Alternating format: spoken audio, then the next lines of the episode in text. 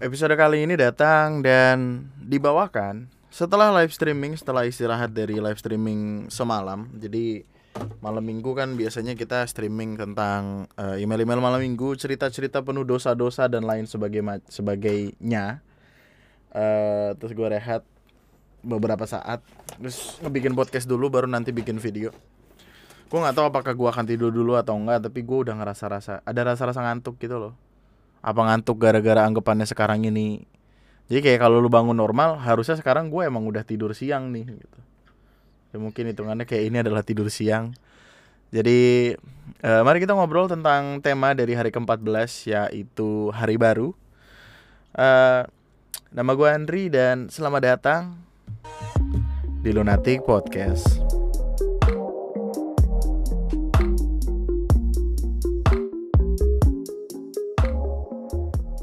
Kayaknya di podcast kali ini kayak dari kemarin podcast tuh kayak bahagia seneng. Gue kayak kali ini pengen pengen apa ya yang kalem anteng tenang gitu. Karena lelah ternyata. Eh, pasti akan ada capeknya ketika kita ngebikin apa-apa apa pun itu. Tapi ya kalau J.K. Rowling aja kreator dari Harry Potter mesti ditolak beberapa uh, apa sih namanya publisher sebelum akhirnya bisa nerbitin Harry Potter. Kalau dia nyerah gitu kayak di percobaan ke 10 nggak jadi tuh Harry Potter. Yang bahkan sampai ada Universitas Harry Potter kalau gue nggak salah ya seingat gue sih dulu ada. Universitas Harry Potter. Kok Hogwarts? Ada coba universitas yang mempelajari Harry Potter. Oh ini, ini. Di University of California, Los Angeles, ada jurusan yang khusus belajar soal mitologi, cerita Harry, Harry Potter. Walaupun cerita ini hanya cerita fiktif dan karangan manusia, tapi ternyata ilmunya banyak dan dapat menjadi salah satu pilihan jurusan. Wow. ya kalau J.K. Rowling pada akhirnya berhenti di percobaan kesekian, ya nggak bakal nggak bakal ada Harry Potter gitu. Uh, cerita tentang J.K. Rowling Disney. Ini ini nih. 8 tokoh yang berkali-kali gagal sebelum mencapai kesuksesan. Oprah Winfrey. Oprah Winfrey. Wah, salah satu orang terkenal di dunia. Terkaya juga di dunia. Dan seperti yang lo tahu bersama kayak kebanyakan kekayaan orang-orang ini datangnya dari saham. Jadi kalau lu pengen kaya ya taruh duit lu di saham. Dengan belajar dulu tentu saja karena pelajarannya banyak. Uh, bahkan ia juga pernah dipecat pada pekerjaan pertamanya di Baltimore's W eh W WJZ WJZ. Tapi semua keadaan itu berbalik. Ia sukses membawa talk show dengan rate ranking tertinggi di Chicago pada saat itu Tentunya Oprah Winfrey juga terhitung sebagai produser yang sukses dan dermawan. Walt Disney, wow. Walt Disney pernah dipecat dari Kansas City Star, bangkrut dan mengalami penolakan lebih dari 300 kali atas konsep Disneyland yang ia punya. Sekarang semua orang tahu apa itu Disney, especially Disneyland gitu. Gue pengen ke Disneyland yang ada di Jepang.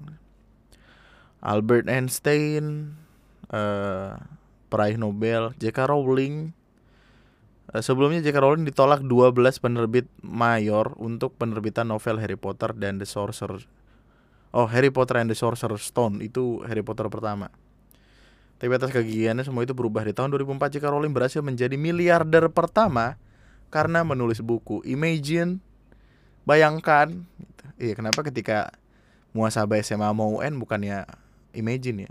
Imagine. Kamu pulang ke rumah ada bendera kuning. Uh, coba bayangin kalau dia berhenti di percobaan ke-11 gitu. Dia percaya sekali dengan karyanya. Elizabeth Arden. Oh dia kosmetik. Anna Wintour. Editor in chief di majalah Vogue. Chris Gardner, Emily Dickinson, Emily Dickinson. Nama-namanya tidak terlalu ini KFC kalau misalkan orang tua itu pada akhirnya capek di masa tua dan hanya memilih untuk menikmati uang pensiunannya yang mana tidak banyak-banyak itu, tidak banyak-banyak banget itu. Tidak ada KFC sekarang. Hmm. Kisah perjalanan orang sukses anjay. Biasanya tuh seperti halnya sejarah yang ditulis oleh para pemenang. Kalimat kata-kata mutiara tuh biasanya dihasilkan oleh orang yang udah sukses dengan anggapan kalau orang-orang ini ya mereka ngomong dan karena kesus karena omongan itu dia mendapatkan kesuksesan yang padahal belum tentu. Tidak tidak semua omongan orang sukses bisa lu dengarkan gitu. Kayak orang sukses kentut juga jadi quotes aja. J.K. Rowling, Steve Jobs, uh Steve Jobs, Apple yang sekarang profesional dimulai oleh dua orang di sebuah garasi. Bertahun-tahun kemudian, kita semua mengenalnya sebagai perusahaan bernilai 2 miliar dolar dengan karyawan lebih dari 4.000 orang. Namun yang luar biasa, Steve Jobs justru dipecat dari perusahaan yang ia dirikan sendiri. Pemecatan membuatnya menyadari bahwa hasratnya pada pekerjaan melebihi ke kekecewaan karena kegagalan. Oh wow, this this one is amazing. Usaha lebih lanjut seperti Nexty, Next, dan Pixar akhirnya membawa Steve Jobs kembali ke posisi CEO di Apple. Jobs berkata, saat itu saya tidak melihatnya, tetapi ternyata dipecat dari Apple adalah hal terbaik yang pernah terjadi pada saya. Gokil. Gue sih kalau dipecat sedih. Bill Gates, Albert Einstein, Abraham Lincoln, Michael Jordan, Michael B. Jordan, Steven Spielberg. Who is Steven Spielberg? Oh penulis. Apa membuat film nih? Walt Disney, Vincent Van Gogh. Vincent Van Gogh itu, uh, he, he's amazing. Kayak Vincent Van Gogh, aku pernah cerita ini belum sih yang tentang Vincent Van Gogh? Dia siapa? Pelukis. Kayaknya belum deh. Aku juga belum dengar soal baru dengar. Vincent Van Gogh tuh orang yang apa? Ceritanya tuh amazing banget gitu loh, mesmerable. eh jadi kan dia adalah salah satu pelukis apa ya? Pelukis yang sangat hebat lah pada masanya. Karyanya bagus banget gitu. Ntar dulu, gua gua gua gua biar gua baca ceritanya dulu. Lupa gua, gua takutnya gua salah. Nah, nah, nah, nah, nah, nah, nah, nah, nah.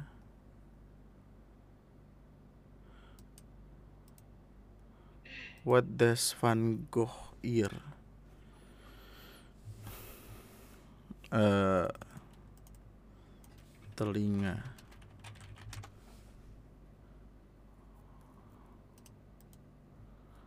Oh iya. Jadi pada tanggal 23 Desember 1988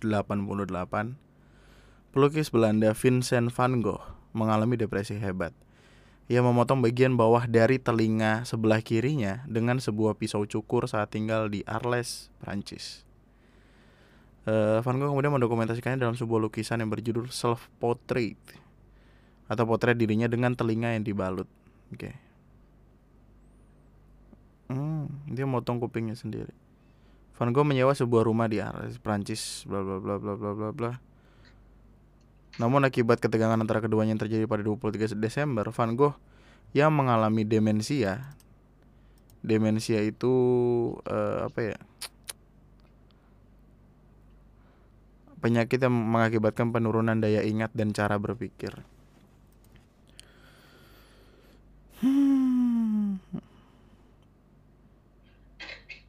Waktu itu soalnya cerita yang gue denger tuh amazing karena jadi kayak dia dia ini dia ngebikin lukisan.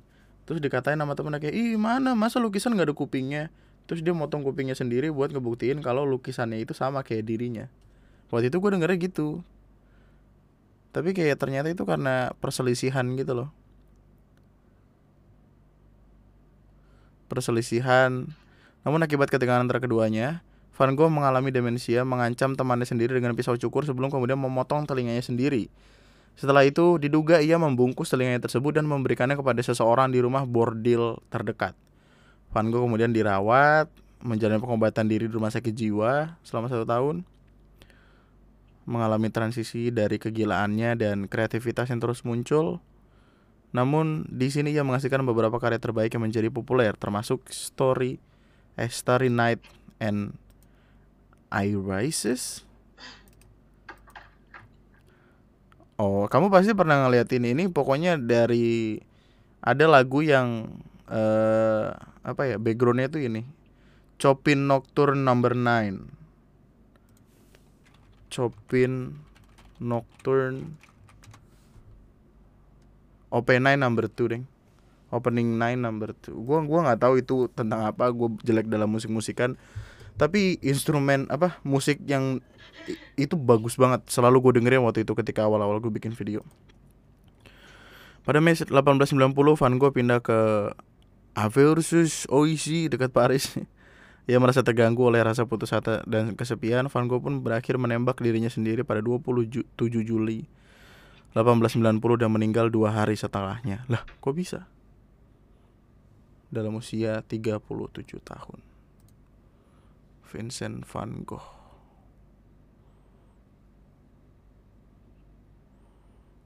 Hmm, tidak tidak seperti yang gua dengar waktu itu.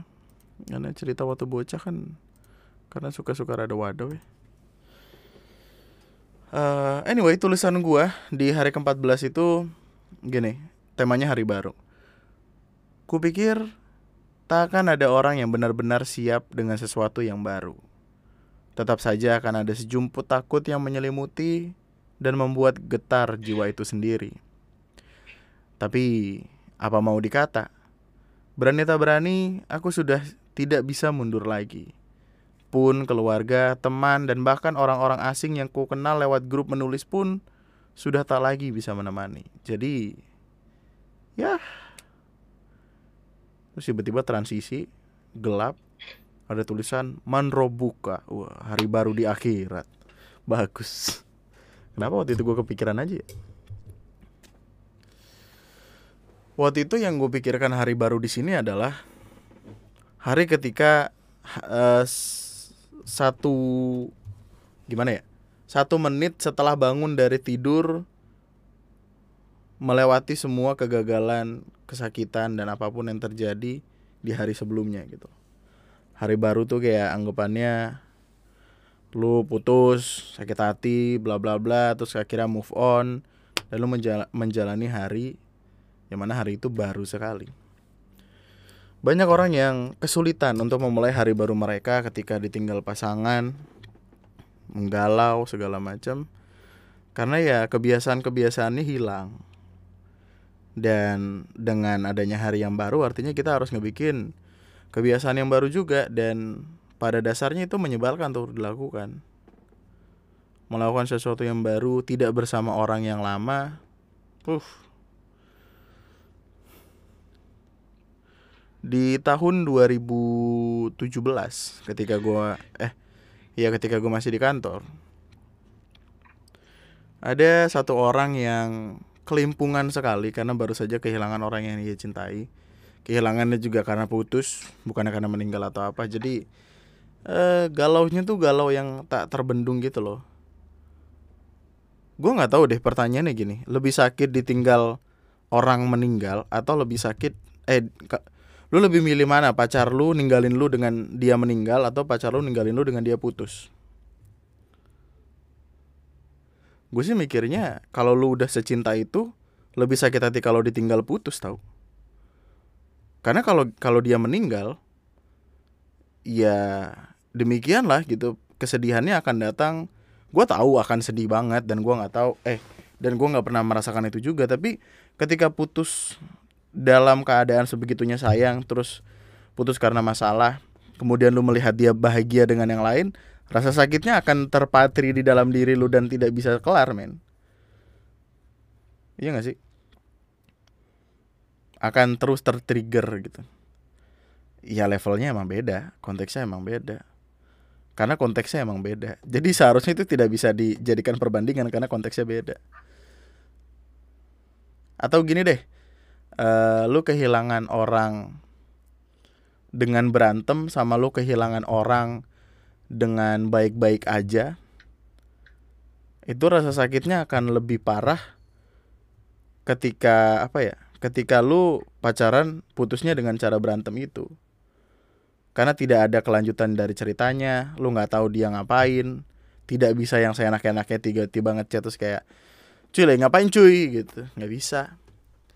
Karena kalau berantem tuh ya udah dingin diem-dieman sindir-sindiran di Instagram Story sama WhatsApp atau no mention di Twitter ngata-ngatain secara tidak sadar dulu tuh yang awal-awal banget ada Twitter tuh kan sering banget kayak gitu kan. Kayak kita tuh kayak nggak pengen lihat gitu. Dulu kan masih belum ada mute. Kalau lu nggak pengen ngelihat tweet dia ya udah unfollow gitu atau lu block sekalian.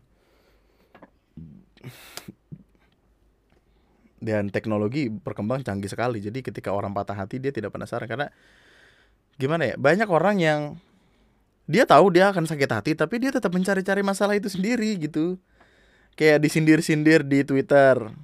Kemudian dia sebel. Tapi dia pengen tahu nih orang ngomongin apa lagi tentang gua.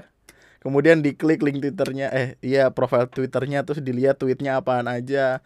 Makin kesel balas nge-tweet. Ah ABG ABG kisah kasih ABG gitu tuh. Dulu tuh tema yang yang menyenangkan untuk dibawa adalah eh aduh lupa lagi gua tiba-tiba hilang gitu dari kepala. Eh uh, uh, uh, shit. Kayak dia bikin story atau bikin WhatsApp. Eh, oh oh oh enggak gini gini. Jadi kayak dia kita putus dari dia. Kemudian eh, dia ngebikin IG story. IG story yang hordeng doang. Hitam putih. Pakai lagu-lagu galau ya kan? Kayak eh, mungkin ditambahin kayak mood gitu. Atau atau, kayak moodnya lagi gloomy biar dicari cowok-cowok lain gitu terus kayak yang di chat kenapa? Ya elah.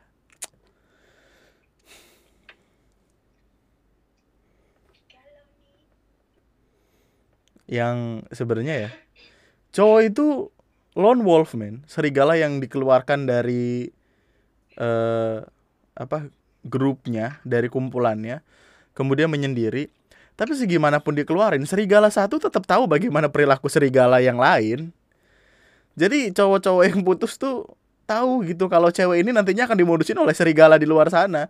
Bisa jadi serigala bisa jadi kadal bisa jadi buaya bisa jadi burung perkutut ya.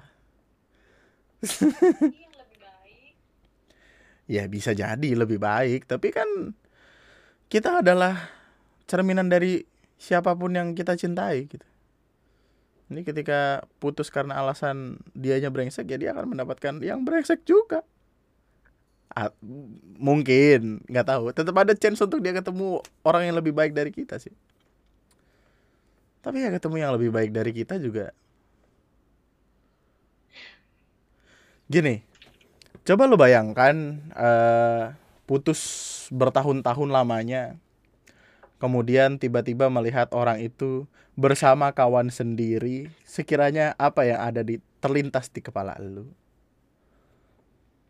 Apakah mungkin lu akan berpikiran kalau wah mereka cocok bersama Enggak, gue yakin bukan itu yang pertama kali terlintas.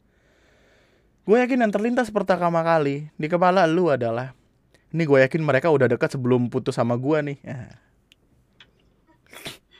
biasanya cowok-cowok tuh licik. Nanti kalau kamu butuh apa-apa udah kontak aku aja. Emang tuh si ini nggak pernah ngertiin kamu nggak kayak aku. Ya. Tai kucing ini. Kelakuannya waduh banget cowok-cowok tuh. Sebagai serigala kami paham bagaimana serigala lain berpikir. Kalau ada daging fresh ya masa iya didiemin dulu sampai dingin emang akan butuh waktu lama sebelum akhirnya dagingnya bisa kita makan. Ah, tapi kan tidak lama-lama banget selama dia punya backingan. Anjay. Selama kita jadi backingannya dia anjay. Di bangku cadangan gitu loh kayak menunggu siapa selanjutnya. Dan itu tidak menutup kemungkinan si cewek ini kemudian hari akan memiliki bangku cadangan yang lain. Tidak menutup kemungkinan loh. Bisa jadi lu bukanlah yang terakhir, bisa jadi lu adalah deretan kesekian sebelum akhirnya dia menemukan yang sepantasnya. Dan bisa jadi lu bukan yang sepantasnya itu. Karena seperti yang waktu itu ada orang nge-tweet pokoknya kalimat ini selalu gue bawa ke mana pun di mana pun orang ini nge-tweet uh, orang ini udah udah wafat udah meninggal dunia tapi kalimatnya tetap ternyanyi yang kayak berkacalah maka seperti itulah jodohmu kelak that's a really really good word by the way. Berkacalah dan seperti itulah jodohmu kelak jadi ketika nantinya lu putus ya ketika nantinya lu putus ya lu jangan terlalu terpaku kepikiran kayak e, eh, gue bisa nggak ya dapetin yang kayak dia lagi? Jangan terlalu terpaku kayak gitu. Berkacalah dan seperti itulah jodohmu kelak. Mungkin jodoh dia bukan lu karena dia pantas untuk mendapatkan yang lebih brengsek dari lu gitu loh. Kita main reverse psychology aja nih. Kalimat itu pernah gue tulisin kayaknya pernah jadi tulisan dan gue seneng banget sama itu. Coba kita lihat post pesona itu sifatnya lugu. Meski tak bersuara kamu bisa habis tenggelam dalam manisnya. Uh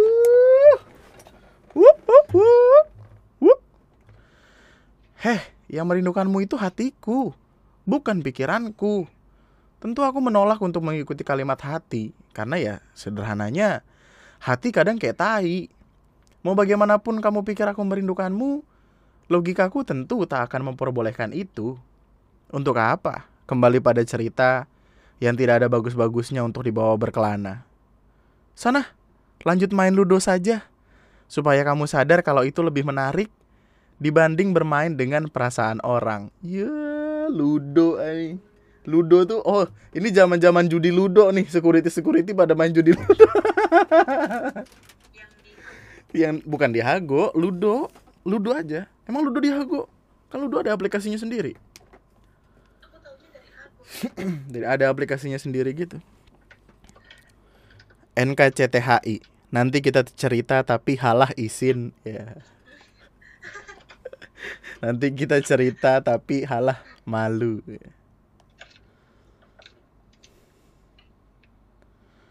Percayalah nantinya kamu akan sadar seberapa basinya cinta yang kamu agung-agungkan sekarang itu. Tidak perlu sepenuhnya, cukup sewajarnya agar nanti tidak pecah ketika berakhir tak sesuai harapan. Agar hanya retak sebagian dan bisa dibetulkan oleh lain orang. Ketoprak satu pedes bang, ya. Rima, rima. Itu namanya bermain dengan rima. Hmm. hari baru dimulai dengan semua perjalanan yang baru tapi bukan berarti hari baru itu kita harus melupakan hari-hari lama, hari-hari sebelumnya yang sudah kita lewati, tidak juga. Hari baru membuat kita sadar kalau ada yang perlu dibenahi dari hari kita yang kemarin. Kalau ada yang perlu dibetulkan dari cara kita berpikir. Dan biasanya ketika kita masuk ke hari-hari baru dan hari baru ini seperti layaknya lari sprint gitu loh. Kayak tidak eh ya tidak tidak tidak seperti lari sprint maksudnya. Ini kayak lari maraton aja. Ketika lu ketemu hari yang baru lu nantinya akan ketemu lagi yang lain. Nanti hanya akan ketemu yang oh estafet salah namanya estafet. Goblok gua. Nantinya akan ketemu hari baru yang lain. Di depan ada lagi yang lain. Di depan ada lagi yang lain karena ya patah hati silih berganti. Khususnya untuk kamu yang masih adik-adik. Ya. Kan patah hati tidak sekali dua kali tuh. Bisa puluhan. Eh bisa belasan, puluhan, makan mungkin ratusan. Tapi ya dinikmati. Ya bisa sekali pacaran langsung nikah, tapi ya nanti pada akhirnya ada kemungkinan selingkuh yang lebih besar karena dia pengen buat ngerasain sesuatu yang lain sebelum akhirnya ada di pelaminan gitu. Ya, seuzon adalah citra kita sebagai tetangga. Ya udahlah.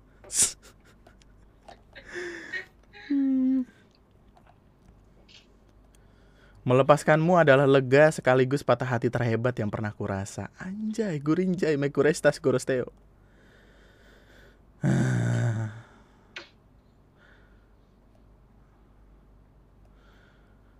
Orang yang ngirim friend request tapi pas di ACC malah ngechat ini siapa ya Gue sumpahin tiap buka bungkus indomie bumbu asin sama cabenya hilang Mampus Makannya minyaknya doang Kalau sedih bacain email aja. Tadi dulu gue lagi pengen bacain tulisan-tulisan gue sih ya, Tulisan gue bagus. Bangga gue Ini kayak entitas lain dari diri gue di masa lalu gitu. Terus ini menyenangkan sekali untuk dilihat. Jadi kayak artefak-artefak zaman dulu Yang I don't know Sangat sulit sekali untuk dikopi Untuk membuat baru gitu. Aku sudah cukup bosan mempercayai apa-apa yang tidak akan terjadi Khususnya bagian menunggu dirimu akan kembali Yang mana itu sebenarnya bangsat sekali. Wah jadiin quotes Di tiktok kalau nggak di IG story. Tag gua bagus ini. Khususnya bagian menunggu dirimu akan kembali Yang mana itu sebenarnya bangsat sekali. Respect.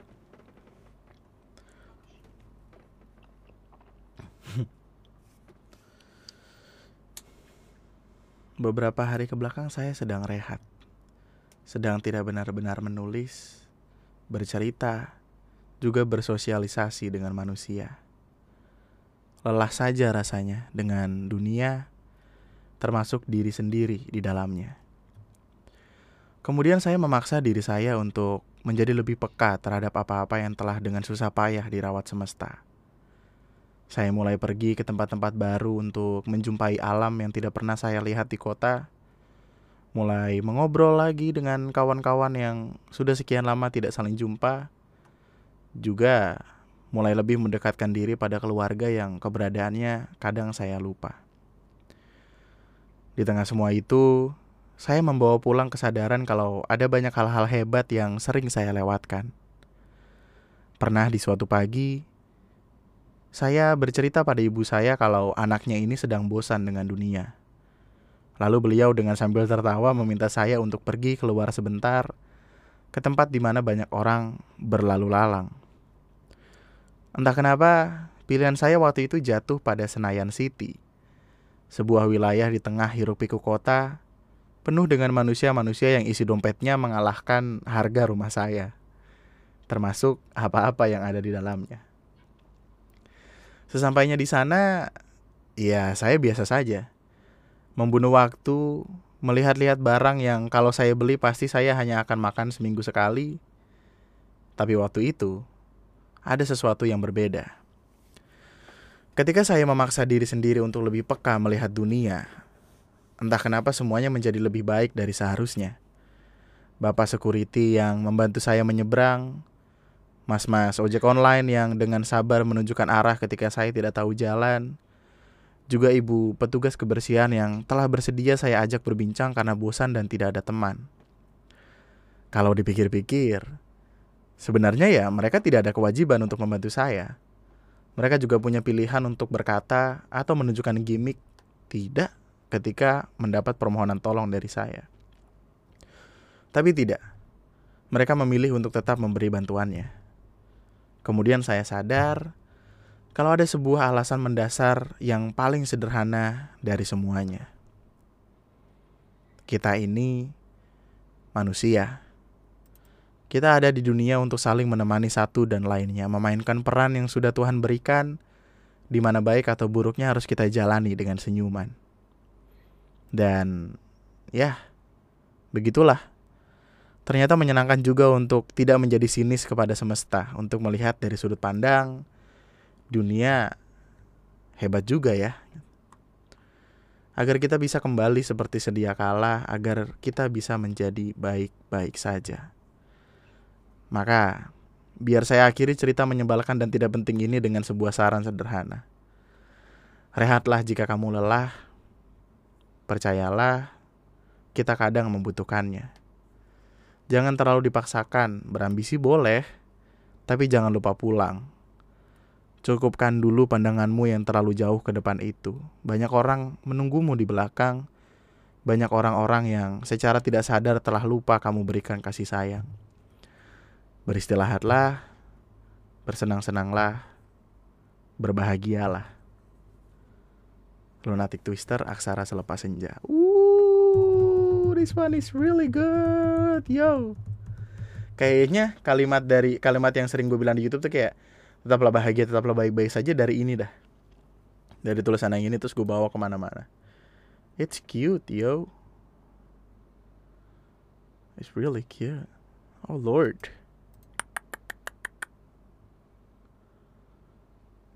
Kayaknya gini deh, kan di sini di komennya banyak orang yang bilang kayak e, kenapa sih pas mulu ya Allah karena Kandri aku nangis bacanya aku bener banget bener-bener butuh ini bla bla bla bla bla gitu. Kayaknya emang banyak orang yang capek gitu. Tulisan tuh kadang kala berubah menjadi agaknya seperti uh, zodiak gitu yang yang ketika kita pas baca waktunya kondisinya kayak kita pikir sesuai sama kita kita jadi mempercayai dan menyenangi zodiak itu sama halnya ketika tulisan ketika tulisannya tentang rehat tentang kelelahan kita akan dunia terus kita ngebaca itu ya itu kayak relatable dan itu yang selalu harusnya gue jaga dari ketika podcast ini dibikin sampai sekarang relatability-nya tuh harus tetap menyenangkan gitu relatability dan ya hari barunya sudah dimulai ketika awal gue menjejakkan kaki di YouTube. Ya mana tentu kalimat semua eh semua kata-kata yang harusnya gue bikin untuk tulisan berubah menjadi skrip, berubah menjadi kata-kata yang pada akhirnya akan jadi video atau mungkin bahkan podcast ini. Karena kadang kita bakal jadi orang yang baru yang lain lagi uh, perubahan itu mutlak. Siapa pun yang lu lihat di internet, siapa pun yang lu lihat di sosial media lu bisa jadi beberapa hari kemudian lu akan jadi orang seperti itu. Lu kalau dulu uh, ngelihat YouTube gue di awal-awal kan itu bener-bener kayak khasnya MLI banget kan main nada-nada lucu atau enggak pakai nada-nada. Kayak waktu itu ada jokes yang kurang banget sebenarnya kayak uh, aduh lupa lagi gue jokesnya apa. Tapi ini gue kayak nana nana nana nana gitu. Terus orang ketawa kan. Gue belajar mempermainkan nada gitu gitu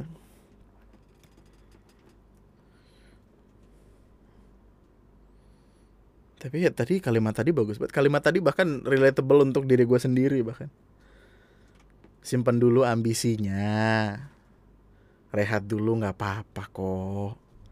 Tapi ya jangan kebanyakan rehatnya. Bersenang-senang. Boleh tidak ada yang melarang untuk bersenang-senang. Apa? Selama masih tetap keep on track. Anjing kaki gua. Ah. Kaki gua kesusuban. Ada. Kesusuban ini loh. Kayu yang di meja tau gak? Anjing sakit lagi. Oh, udah. Serabut iya. Sabut kelapa. Hmm. uh, tapi dari sekian banyak kata yang lu dengarkan di podcast ini udah berjam-jam lu habiskan waktu untuk ngedengerin podcast ini. Satu hal yang selalu gua pengen dari orang-orang adalah lebih sayang diri sendiri habis itu sayang orang lain. Rehat dulu kalau capek. Soalnya kalau sakit atau kenapa-napa malah jadi nggak bisa ngapa-ngapain malah ngeribetin segalanya semuanya. 30 menit ya podcast kali ini. Mulai hari baru besok lagi. Ketika lu udah beristirahat dengan tenang bukan meninggal masa meninggal tiba-tiba. Terus tiba-tiba ditanya malaikat kenapa kamu meninggal? Ini tadi Andri tuh ada podcast katanya suruh beristirahat dengan tenang. Ah jangan lupa rehat jangan lupa bersenang-senang baru kemudian kita bakal bisa balik lagi esok hari untuk ngebikin semuanya jadi lebih hebat lagi. Percaya sama diri sendiri apa pun yang terjadi lu tetap lalu orang lain cuma bisa ngomong cuma bisa nyemangatin cuma bisa ngeyakinin. Keputusannya ada di tangan lu and let's have fun. See you at the top. Sampai jumpa untuk podcast eh sampai jumpa pada podcast esok hari. Ini aja untuk kali ini 30 menit gue harap cukup. Selamat berhari minggu by the way. Weekend tidur seharian nggak apa-apa. Yang penting jangan lupa ngeluarin motor. Mak lu ntar ngomel-ngomel bapak lu paling minta buat nyuci motor lakuin aja dulu baru abis itu rehat istirahat. Kalau misalkan dikeprongin sama mama lu ya sadar diri aja. Masa udah seminggu rehat lu mau rehat lagi di hari minggu? Hey anyway love you all so much. Thank you so much for your time. Good luck. See you bye bye